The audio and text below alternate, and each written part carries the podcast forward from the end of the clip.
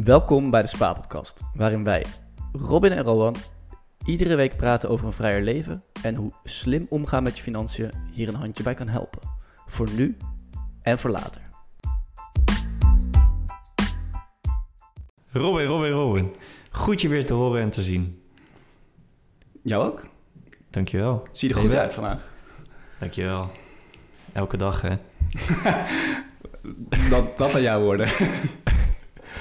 Ja, we hebben, we hebben weer een mooie aflevering voor de boeg. Want uh, vandaag gaan we eventjes, eventjes wat onze waardering uitspreken voor wat er allemaal is gebeurd eigenlijk de afgelopen jaren op het gebied van fintechs. En daarna gaan we ook even lekker vooruitkijken van oké, wat voor fintechs zijn er nu allemaal bezig met dingen die ons leven misschien nog makkelijker gaan maken. Ja. Dus ja, laat ik even beginnen aftrappen met wat is eigenlijk voor jou de meest waardevolle financiële innovatie geweest de afgelopen jaren?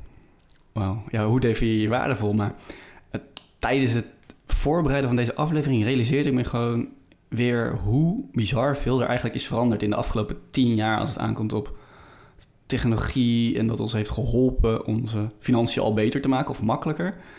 Ja, en uiteindelijk de meest vette, dat blijft misschien voor mij dan nog wel de meest simpele innovatie, gewoon een betaalverzoek. dus gewoon hoe makkelijk dat gaat.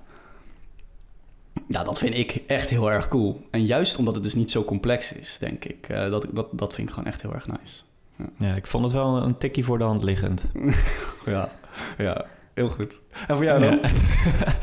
nou ja, ik, ik, je praat over tien jaar geleden. Toen kreeg ik volgens mij zelfs nog mijn, uh, mijn afschriften op papier binnen. Ah, ja. Dus het is echt, ja...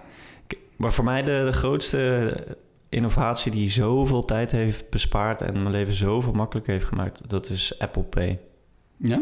Ja, dat is, dat is echt ongekend. Kijk, we hadden eerst, moest je altijd je bankpasje meenemen. En de, dan kon je wel al contactloos betalen. Was het boven de 25, moest je pinnen. Ja. Maar, maar met Apple Pay of, of Google Pay ja, is het gewoon uh, zo, zo efficiënt. Ja, en hoe en, doe je dat dan precies? Dus je, staat het op je horloge of op je telefoon? Of? En, nou, ik heb het eerst op, op mijn uh, horloge ook gehad. Ja? Maar dat vond ik echt... Um, ja, vond ik niks. Weet je, het ziet er zo ongemakkelijk uit. Je moet je pols zo heel raar draaien. Als ik mensen dat zie doen, denk ik altijd van ja... Die gaat uit de kom. ja, heel modern van je, maar niet handig. Ja, en okay. ja, telefoon is gewoon twee keer op die vergrendelknop uh, klikken en uh, bam, betaald. Ja. ja, dit. Het is voor onze luisteraars dat ook gewoon... Uh, ik denk dat bijna iedereen dat doet. Ja, dat is mooi. Heel veel herkenning al in, denk ik, bij heel veel mensen op deze onderwerpen. Maar er is nog veel meer gebeurd. Uh, heb je nog een mooi voorbeeld van wat is nou echt veranderd in de afgelopen jaren? Wat, wat ons leven heeft beïnvloed? Uh, nou ja, ik, wat, ik heb zelf ING altijd in Nederland gehad. En een, een feature waar zij, ik weet niet eens meer hoeveel jaar geleden mee kwamen, is, is dat vooruitkijken. Dus je ziet dan als het ware wat je balans is op een bepaald moment. En dan kan je scrollen zo de toekomst in van... oké, okay, hoeveel heb ik over drie weken met alle abonnementen die eraf gaan... of uitgaven die ik uh, normaal gezien doe. Dat helpt wel heel erg in, uh, in de financiële planning. Ja, ja, inderdaad. Nu bedenk ik opeens van... Uh, oh ja, je kunt tegenwoordig... dat hebben we helemaal niet voorbereid... maar je kunt tegenwoordig ook in je eigen bank-app... ook je andere banken toevoegen. Hè? Dat, dat kan tegenwoordig ook alweer. Dus je kan niet alleen vooruitkijken... maar je kan ook je Rabo toevoegen binnen je ING-omgeving en zo. Niet. Echt? Ja, ja, dat, ja, misschien moeten we zo toch nog even een stukje uitleg gaan doen over hoe dat dan werkt. Met het PSD2 en bla bla bla. Maar dat kan dus ook allemaal. Maar dat is, dit is, sorry, ik, ik spring alweer te snel naar voren toe. Want ik denk dat heel veel mensen dit nog niet doen. Maar het kan al wel, ja. Nee, ik wist, ik wist dat ook niet eens. Ja. En uh, ja, kijk, over, over banken toevoegen gesproken. Ik uh, ja, ben zo onlangs verhuisd naar Londen. Ja. En daar moest ik ook een, een bankaccount hebben. En het is zo makkelijk om een... Uh, om een bankrekening te open, openen hier. Het zegt, ik heb een zakelijke rekening geopend een paar jaar geleden in Nederland. Nou, dan moest er iemand langskomen, die moest mijn paspoort nog controleren. Daar moest ik een afspraak voor maken. Nu heb ik uh, Revolut heb ik Ja. genomen. Ik downloadde die app. Ik was binnen vijf minuten was ik door de paspoortcontrole heen. Ging allemaal auto- automatisch. En daarna had ik gewoon een bankrekening die ik kon toevoegen aan Apple Pay. En een half uur later eh, betaalde ik mijn metrokaartje met... ehm, met die nieuwe bankrekening. Ja, is vet hè. Ja, dat is ongekend. en eh, al die partijen die ook... wat ik ook zo cool vind, is dat ze gewoon ook niet meer die... al die kosten rekenen voor wisselkoers en dat soort dingen. Ja, dat, dat, dat is toch ook Ja, precies. Revolut? Ja, ja, echt Ja, bruut. Ja, ik- ik, vind het echt, daar word ik echt heel enthousiast van. Gewoon, je kan dus ehm ja, 1000 euro kan je per maand overmaken van een eh, buitenlandse rekening naar Revolut. En daar betaal je bij de gratis rekening dan, ik betaal ook gewoon 0,0. Ehm, dan betaal je ook 0,0 conversiekosten. Dus ik, ik doe wel Dus eens, ik maak gewoon wat euro's. eh, maak jij maar euro's mij over. Nee, ja, dan maak ik die naar jou over. En dan kan ik in Londen, als ik bij jou ben, dan kan je gewoon eh, de ponden zonder kosten opnemen. Ja, ja, ja, dat is handig. Als ik dan nog niet aan mijn 1000 eh, euro limiet zit, maar... Nou, ehm, waarschijnlijk ja, wel. Je bent een big spender. Nee, nee. nee. Wa- Wat ik dus heel veel doe eigenlijk is van... oké, dan ga ik op Google en zeg ik... hoeveel is 10 pond in euro? En gewoon dat bedrag... eh, als je dat met je Nederlandse kaart betaalt ergens 10 pond... dan is het nooit eh, het bedrag wat je op Google krijgt. Weet je wel, je betaalt altijd meer geld Ja. als, je, als je het via je ING doet. Dus dat scheelt gewoon echt, echt behoorlijk veel geld. Procenten, hè? Echt heel Ja. veel. Ja. Ja, ik had het laatst ook met Bunk. Je had het met Revolut, maar ik moest dus eh, ook voor werk een account openen bij Bunk. En ehm, nu moet ik heel eerlijk toegeven eh, dat ik een beetje... Dat onboardingproces was echt heel matig. Eh, sorry, Bunk. Eh, ehm, maar Sorry, het ging wel Robin. dus heel snel. En eh, ja, nou ja, zal vast als Ali luistert. ik wil best helpen, maar het was echt helemaal ruk. Ehm, maar ze hebben wel ziek veel opties. Ehm, ja, dus dat. En ik had natuurlijk ook... ik heb ooit een artikel geschreven over N26 ook. Dat is nog zo'n neobank. Die had ik gewoon toen ik begon met, met, met Spaarpodcast... weigerde ik natuurlijk geld uit te geven aan, aan bedrijven of technologie. Dus ik zag die gratis rekening en alles is connected en alles kon. En er zat nog een soort van creditcard functionaliteit bij. Ja, natuurlijk had ik een N26 eh, rekening geopend toen. En die heb ik gewoon echt twee, tweeënhalf jaar lang gebruikt of zo. Dus hoe vet is dat, dat het gewoon allemaal gratis was. Ziek veel mogelijkheden. Ja, dat is echt zoveel veranderd in die wereld. Ja, ja mooie Dus- dingen zijn er gebeurd. Ja. Ik heb zelfs nog naar N2 N26 gekeken voor in, eh, in Engeland. Maar hier zijn ze weggegaan dus een paar jaar geleden. Hm. Dus kennelijk toch niet rendabel genoeg. Ja, ik weet ook wel dat zowel Revolut als N26 heeft het regelmatig met de autoriteit aan de stok. Dat Ja. zijn nog wel dingetjes. Dus het zijn wel... eh, Revolut heeft ook een keer flink onder vuur gelegen rondom security dingen. En N26 nu ook. Die hebben volgens mij mogen geen klanten meer aannemen of zo. Eh, ja, en dat zijn van die snelgroeiende techbedrijven, maar die... die- ja, dat, gaat dat botst niet altijd... hè, Of dat gaat botst af en toe met de overheden, zeg maar. En, eh, Ja, maar goed ook dat het niet alles kan. Maar ja, dat gaat uiteindelijk natuurlijk wel gewoon gebeuren. Dat, dat gaat gewoon veranderen. true. Hey, en eh, nog eentje dan. Nog één terugblik voordat we gaan kijken naar andere coole fintechs die ons eh, leven gaan veranderen. Ja. Welke is je laatste? Nou ja, eh, kijk, ik heb het zelf nooit gebruikt, maar ik heb wel gewoon af en toe dan hoorde ik mensen van ja, Rowan, ik heb nu iets en dan eh, heb ik al mijn wisselgeld wordt dan geïnvesteerd en dan maak ik rendement op. Ja, ja, ja. Weet je waar ik het over heb? Ja, ja, Ja, ja. ja, Peaks. eh, al die apps. Ja, Peaks en eh, Bug Zero natuurlijk laatst. En Trade Republic. Ook te gast gehad, allebei. Ja. Ja. ja, ik snap het. Ja, dat heeft wel ons leven veranderd. Absoluut. Die hebben wel meer mensen aan het, eh, aan het beleggen gekregen. En ik hoop een beetje dat dat een gateway eh, drug is naar verstandig beleggen.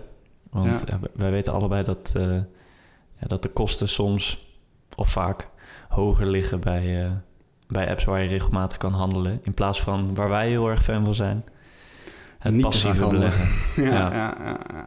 Nee, maar het is wel een goede, je hebt een goed punt. Dat heeft wel gewoon ons leven veranderd de afgelopen paar jaar. Dus die, eh, die hoort gewoon genoemd te worden in, deze, in dit lijstje. Ja. Dus gaan lekker vooruitkijken, hè? Want eh, ja, dus er is al veel veranderd. Ehm, maar er komt nog veel meer aan. En dat zijn dingen die nog lang niet iedereen gebruikt. Maar van sommige dingen worden wij heel, wel heel, heel erg enthousiast, geloof ik. Zeker dus eh, ik geloof dat we acht nou ja, categorieën hebben voorbereid. Waarbij soms meerdere bedrijven genoemd gaan worden. Ehm, maar ze doen allemaal net iets andere dingen.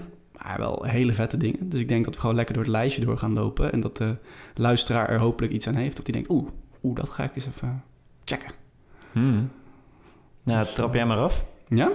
Oké, nou mijn eerste is, eh, ik noem het de categorie eh, budgeting apps. Ehm, en dat zijn dan eh, in dit geval twee Nederlandse apps. En de ene is Grip van ABN AMRO en de andere is Dime. En wat die eigenlijk doen, ehm, is eh, al je transactiedata inladen. Hè? Dus, eh, en dan geven ze van die categorieën. Dus eh, nou ja, food, fun, housing. Nou, het zijn heel veel categorieën. En eigenlijk wordt die software steeds beter. Dus die apps worden daar steeds beter in om al jouw uitgaven dan in de juiste categorie te zetten. Waardoor je heel makkelijk een soort van overzicht krijgt van... oh, zoveel geld gaf ik uit aan boodschappen. Ehm, ik denk dat heel veel mensen hier heel veel profijt van hebben. Dus dat vind ik vet. Eh, het nadeel is wel dat het gewoon eigenlijk ehm, Het is reactief. reactief en nog net te vaak fout, zeg maar. Dus men moet best wel bijhouden alsnog. Maar ja, dat is aan de andere kant, eh, heel veel mensen doen het in Excel. Het is al een goede stap in de juiste richting, zeg maar. Ehm, dus dat. En ja, wat Dime trouwens ook specifiek doet, die doet dus niet alleen ehm, reactief categoriseren. Oh, Grip doet trouwens hetzelfde, maar ze gaan ook kijken van kunnen er abonnementen weg of abonnementen goedkoper. Dus ze doen een soort van initiële scan op je financiën. En kijk, wij zijn best wel diehard, dus als, als wij dat gaan doen, dan komt er waarschijnlijk uit, ja, er valt niet zo heel veel eh, ja, te optimaliseren. Ja. Ik heb het ook wel eens, ik heb het ook gedaan. Ik heb beide apps gebruikt. Ehm, maar ik denk juist voor heel veel mensen die, hè, om ook deze, wij willen graag, graag financiën toegankelijker maken. Juist voor die mensen die echt nooit wat do- doen, ja, pleur gewoon een keer je gegevens er doorheen. Weet je, slechter word je er niet van. Ja, ja, maar slechter word je er niet van. En al die, echt, als, je, als iemand begint over privacy redenen, dan denk ik, nou, stik er lekker in, doe je het niet. Maar waarschijnlijk, eh, hoe kunnen die redenen zwaarder wegen dan gewoon echt ziek veel geld besparen?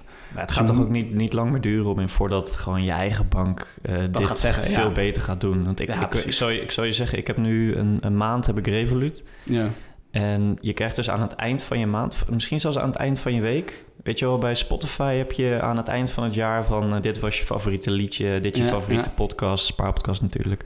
En Revolut doet dus hetzelfde, maar dan elke week. En dan zeggen ze van oké, je gaf deze week zoveel uit aan deze categorie. En je hebt in totaal dit uitgegeven. Gewoon precies hetzelfde alsof je door een, door een Instagram eh, story heen klikt. ja, dat doet Grip ook. Ik krijg iedere week een notificatie nog steeds. Ja, dat is een goede boel hoor. Ik ben fan. Ja, nee, dit is een vette categorie. Dus eh, ja, daarom wil ik daarmee aftrappen. Very nice. En Nou, voor ik jou? heb- wat ik heb de eh, volgende- het eerste waar jij mee komt? Ik heb de volgende categorie, want herinner jij je de Penny Maat? Dat is zo'n blauw ding van de, van de Rabobank. Ja, eh, volgens mij was het Postbank vroeger. Postbank. Tegenwoordig Ja, ING, is- ja. Oh, ING, zo. Ja, ja, ja. Ja. Die, die hield alles voor je bij. En, en dat was een soort van je eerste kennismaking eh, als kind met, met persoonlijke financiën. En ik, ik heb nu de, de Greenlight, Greenlight Bank soort van ontdekt. En die adverteren zichzelf als de bankpas voor, voor kinderen en, en tieners. En ja, je leert dus een soort van op veel jongere leeftijd dan al eh, omgaan met geld. En ook als ouder kan je dus geld overmaken dus naar je kind. Maar je kunt ook maximale uitgaven instellen. En je kunt een eh, real-time notificatie ontvangen. Bijvoorbeeld als je kind ineens eh, bij een seksshop een dildo staat af te rekenen. dan is het van, hey Robin, wat, wat is dit? Ja, is mama weer op pad gestuurd. Of mama heeft het kind weer op pad gestuurd. of papa, je weet het niet. hè, maar- weet het niet. Ja, ieder zijn ding. Maar ja, dat, dat, dat, dat zijn wel natuurlijk gewoon interessante dingen. Hoe je dus je kind... eh, ja, het is natuurlijk een beetje eh, Noord-Korea-stijl. Maar uiteindelijk kan je je kind daar ook losser in, in laten. En ehm, andere mooie dingen die erin zitten is bijvoorbeeld... dat eh, je- je kinderen geld kunt laten verdienen voor klusjes. Dus we hebben bijvoorbeeld in de aflevering met... Mr. Money Moustache hebben we besproken dat zijn zoontje die kreeg voor elke kilometer die hij fietste, kreeg hij bijvoorbeeld geld. Nou, dat Oh, kan ja, je hier, mooi. hier kan je dat ook instellen.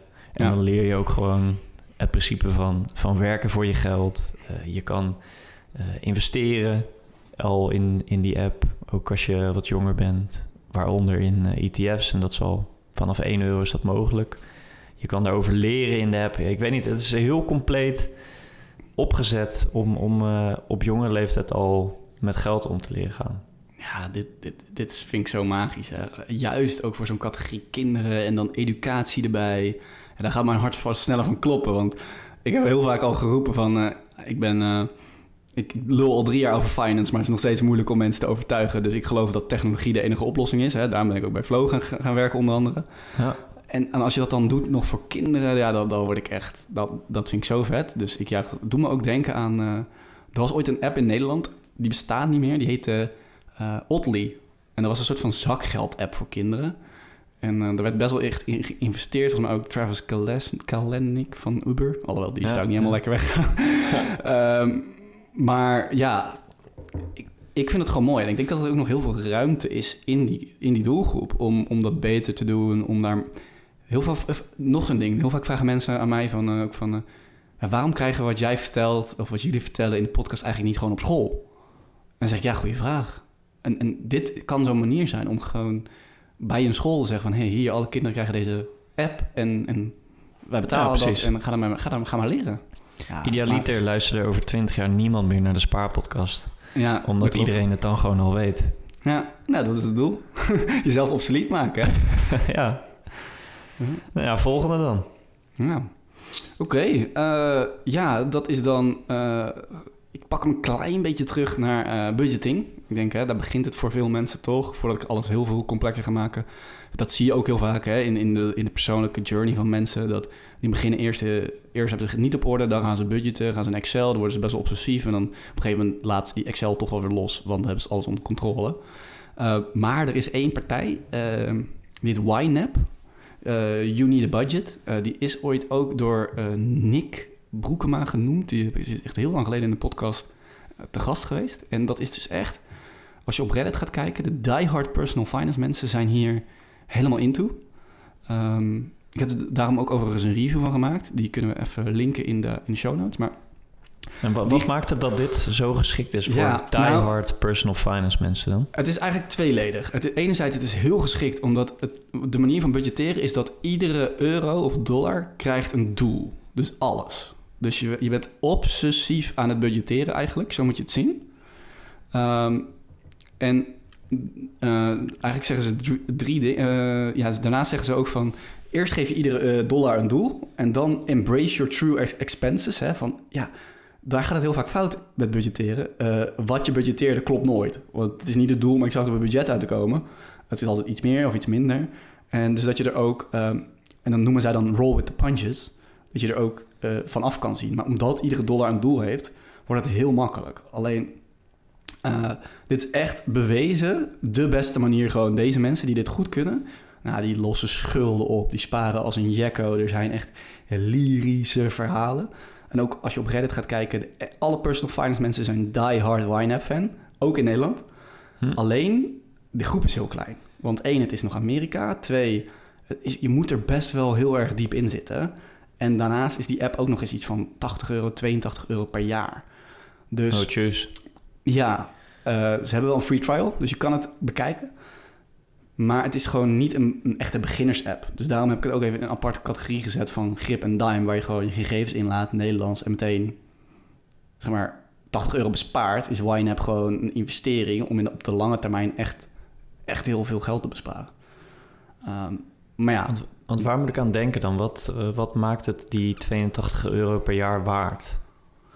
Ja, om, uiteindelijk zitten er dus nog zoveel i- dingetjes in de financiën waarbij we denken, oh, geef toch deze uitgave, dit, toch dit, toch dat. Weet je, bij YNAB word je daar zo bewust van gemaakt, dat uiteindelijk kan je zoveel meer sparen in een jaar dan dat je denkt dat je kan sparen. Dat is echt niet normaal. Volgens mij, ik weet het niet, dit, correct me if I'm wrong, maar wat ik ergens las is dat de gemiddelde YNAB'er die bespaart vanaf jaar 1 al 1500 dollar, zeg maar. Eh, Oké. Ten opzichte van dat, niet doen. Dat dus is dat wel maakt die significant, hè? dat maakt die 82 euro wel waard, zeg maar. Hè? Dus, ehm, maar ja, het heeft dus wel wat opzettijd nodig, wat managementtijd en dat soort dingen. Maar ja, ik wil het wel genoemd hebben, want als je het kan en als je het bijhoudt, dan... Stel dat je nu 70k schuld hebt. Ja, dan zal je wel moeten. Ga gewoon gassen. Ga gewoon volle bak budgetteren. En los het zo snel mogelijk op. Dan kan je echt hard gaan. Ja, ja ik, ik, vind, ik vind dat altijd hele goede dingen. Alleen ik heb ook, wat ik ook heb met eh, boeken als Grip van Rick Pastoor, weet je wel, dat je heel je dag, dus Ja, ja, ja. hier zeg je bij YNAB, zeg je, ja, geef elke euro eh, ook een, een bestemming. En wat Rick Pastoor zegt in Grip is natuurlijk, geef elke minuut een soort van eh, een bestemming. Ja. En ja, ik, ik weet niet. Ik, ik vind het ook chill om gewoon een stuk te hebben waarmee het is van oké, free rolling. En dat geeft je een soort van vrijheid.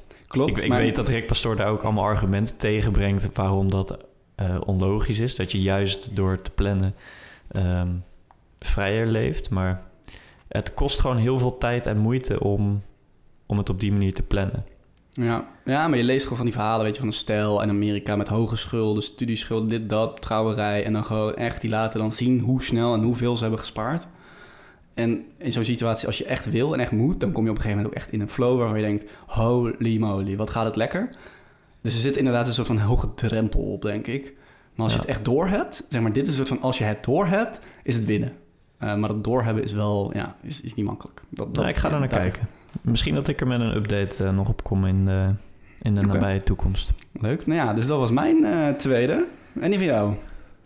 Nou, ik heb dus, ik, ik weet niet of je dit nou echt een fintech kan noemen, maar er zit wel een heel mooi eh, financieel haakje aan. Want toen ik net in, in Londen was, zag ik overal gele posters eh, in de tube hangen. En daar stond op We Are Eight. En ik dacht van, hè, wat, wat is dit? En ik zag een foto van eh, Rio Ferdinand, een oud, oud voetballer. En ik dacht van, wat is dit nou? Maar We Are Eight is dus een, een nieuw soort sociaal, sociaal medium.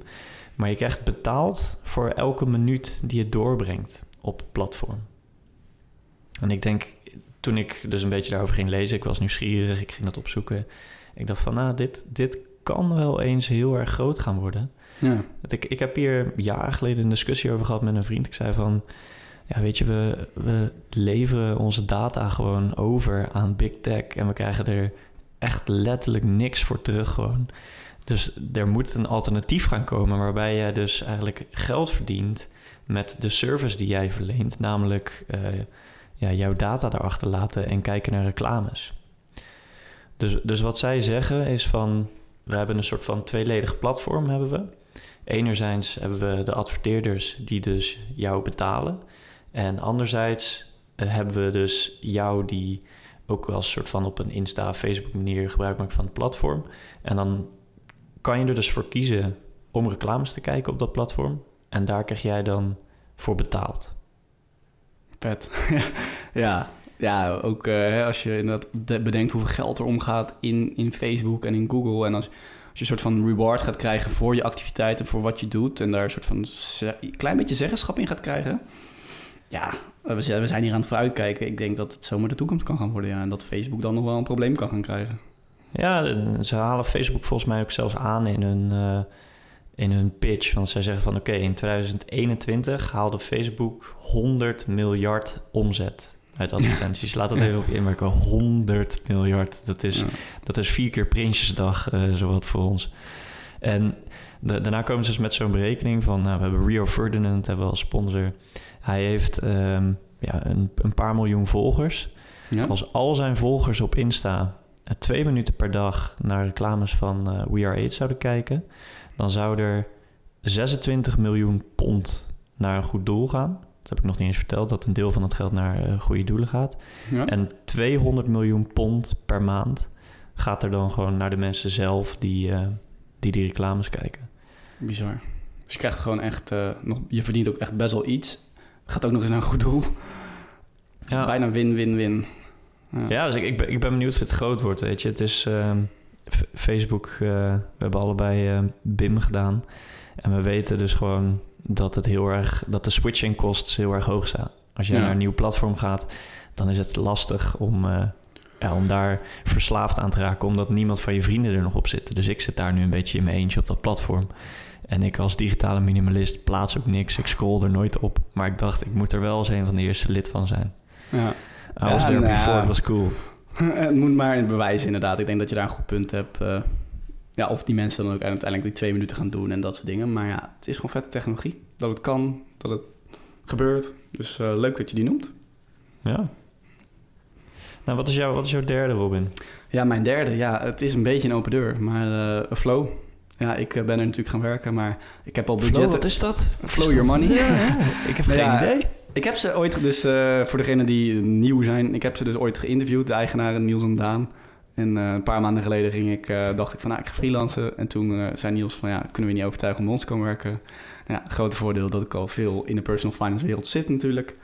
Dus ja, wel, ik vind het gewoon vet. En natuurlijk, Flow um, loopt nog tegen heel veel dingen aan. Hè. We zijn afhankelijk van banken. Maar wat hier eigenlijk gaat gebeuren is dus in plaats van reactief budgetteren, gaan we, dat, uh, gaan we proactief vooruitkijken. En um, bijvoorbeeld, um, nou, een, een voorbeeldje, uh, dat gewoon alles geautomatiseerd gaat. Dus jouw salaris komt binnen en een domme regel is dan, uh, mijn salaris komt altijd tussen 21 en 23. En um, dan doe ik op de 27ste wel de hypotheek overmaken naar de gezamenlijke rekening, want ja, dan is het waarschijnlijk wel binnen. En dan, uh, dan dit. En dan moet ik ook de muziekleraar nog betalen. Maar wat, wat Flow dus kan doen, is die herkent die betaling. Die herkent het binnen is. Maakt het dan meteen over naar de hypotheek. Doet het ook naar de andere potjes waar je het wil hebben. Dus naar uh, vul je pensioen aan, je buffer. Je kan het over meerdere banken doen. Dus hè, ik heb ook een knaprekening. Dan gaat mijn, komt daar wat inkomsten binnen van de spaarpodcast. Dan maak ik dat automatisch over naar mijn persoonlijke rekening. Nou, die herkent weer dat, het weer, dat er weer een potje van uh, fun aangevuld kan worden. Ja, dat bespaart niet alleen tijd. Het gaat volledig geautomatiseerd. Maar het is eigenlijk hè, dat hele probleem waar je bij YNAB en budgetteren ook nog tegenaan loopt. Het hele menselijke wordt daarmee ook opgelost. Ja, dat, dat, dat, dat, het kan de toekomst gaan worden. Dus ja, mijn eigen werkgever, uh, ze betalen me hier voor dit noemen niet. Helaas. uh, uh, maar is denk ik wel um, een van de mogelijkheden van de toekomst. En ja, voor, voor dit moment, um, als je niet of bij Bunk of Knap zit, is het nog niet interessant. Daar, in, interessant genoeg, denk ik. dat, uh, ja, want je, zijn... moet, je moet een bank hebben waarbij je... Want ik heb die eerste aflevering geluisterd uh, met Niels en Daan. Ja. ja je, je moet echt een, een bank hebben die al die API's beschikbaar heeft gemaakt... waardoor je dus verbinding kan maken met jouw bank, met Flow. Ja. En dan pas kan je die regels instellen. Ja, maar de eerder genoemde Revolut en N26 zijn wel bijvoorbeeld uh, potentiële partners voor, de, voor ja. op kortere termijn. Dus misschien ook wel de grootbank hoor.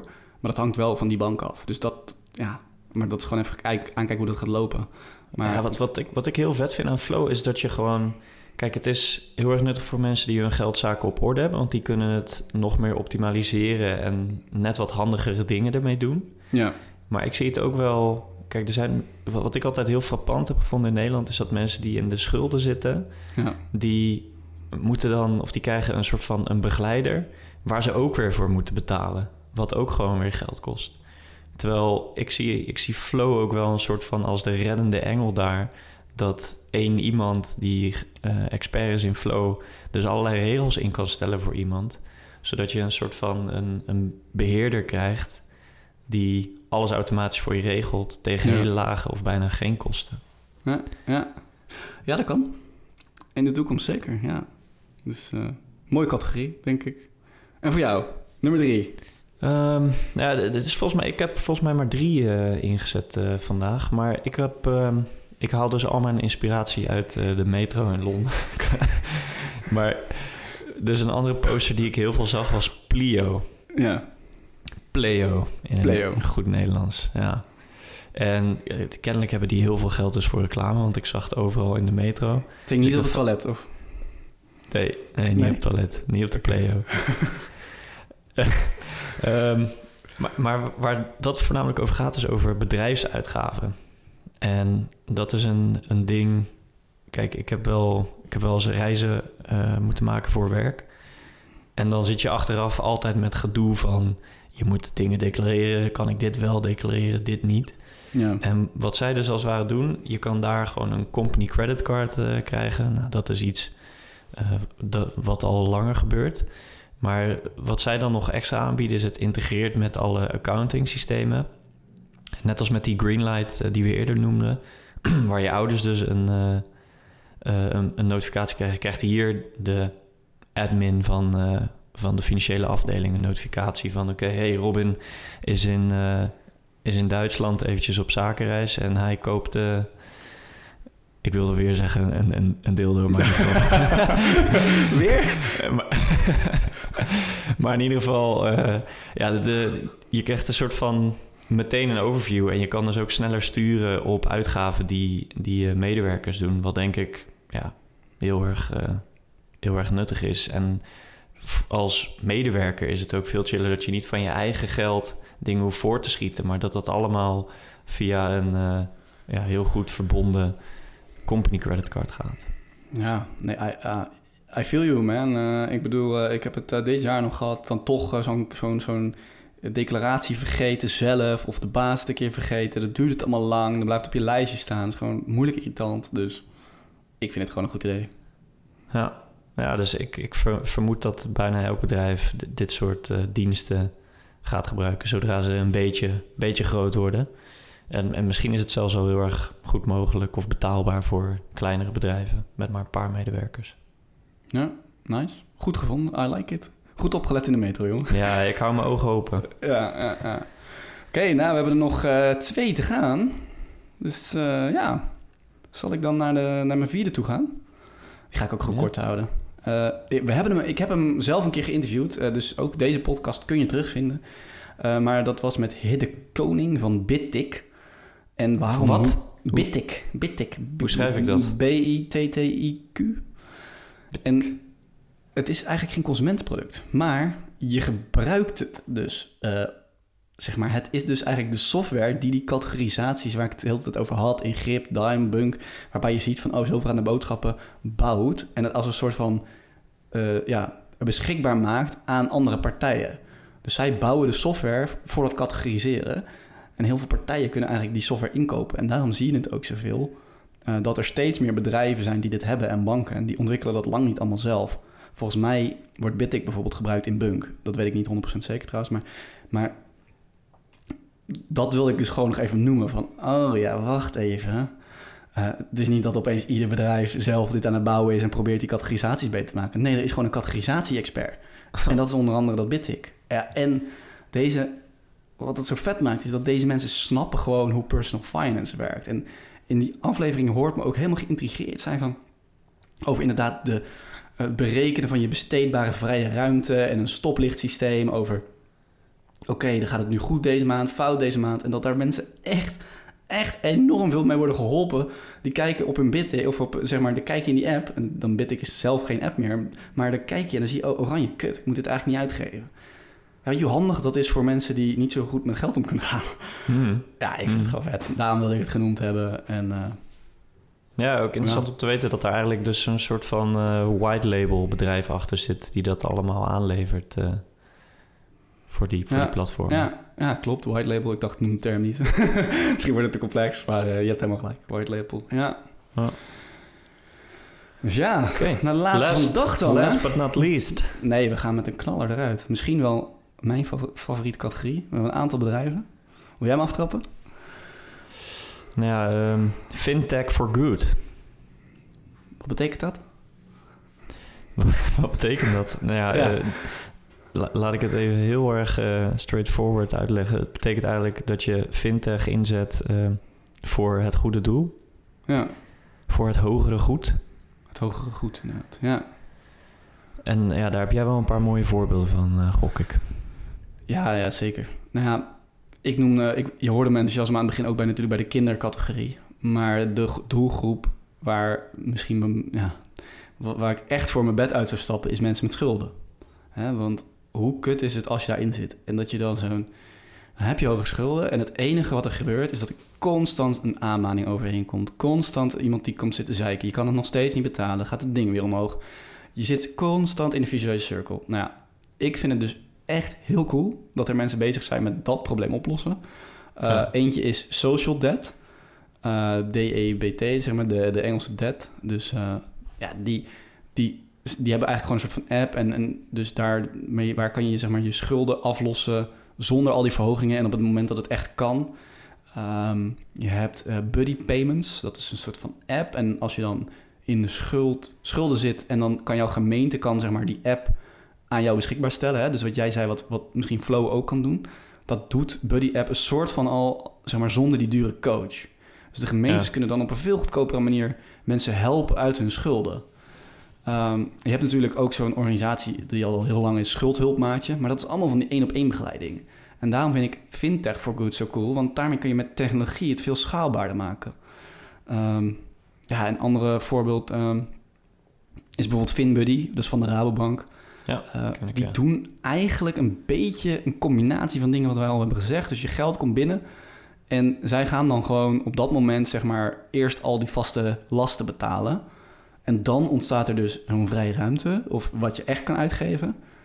Uh, en dat is eigenlijk weer een beetje ook wat BitTick dan weer uh, zo voor een soort van principe had hè, in, in die aflevering. Van, mensen hebben zo gewoon eigenlijk niet echt een idee van wat er allemaal nog gaat komen. En dus al die dingen als vooruitkijken en dit soort apps zijn super goed en handig voor mensen. En als er dan een soort van staat van... Uh, ja, je kan deze uitgave wel doen, maar dan staat je stoplicht op rood... want je gaat deze en deze uitgave nog doen.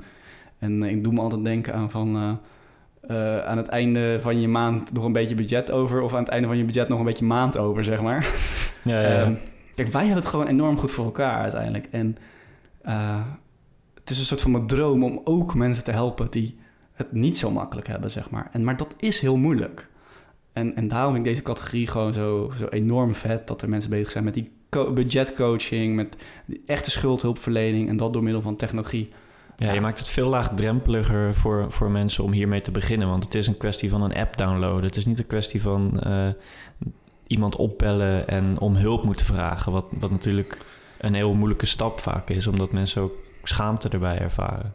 Ja, Robin, ik denk eh, dat het er wel, uh, dat het er wel op zit van vandaag. We hebben echt, echt een uh, aantal hele mooie platforms, apps en, en bedrijven besproken.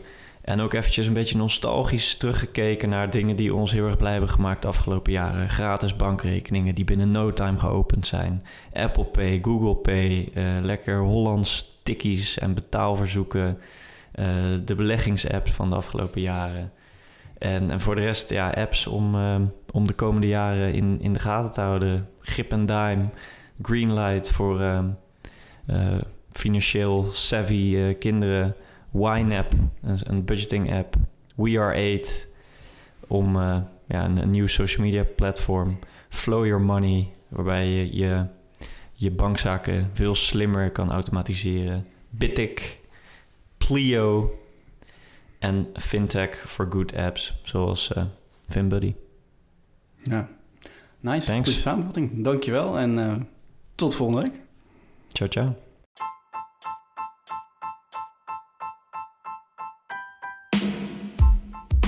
Bedankt voor het luisteren naar de Spaarpodcast. Er zijn nu een paar dingen die je kunt doen om jezelf en ons van harte te helpen. Daar komen ze. Pas de tips uit deze aflevering toe in je eigen leven. Koop al onze boek, 10 keer met pensioen. Volg een van de cursussen op despaarpodcast.nl. En laat tot slot een review achter op Apple Podcast of Spotify. Voor vragen of opmerkingen kun je altijd bij ons terecht via de Spaarpodcast of 10 keer met pensioen op Instagram. Dit was hem dan. Hopelijk tot de volgende keer.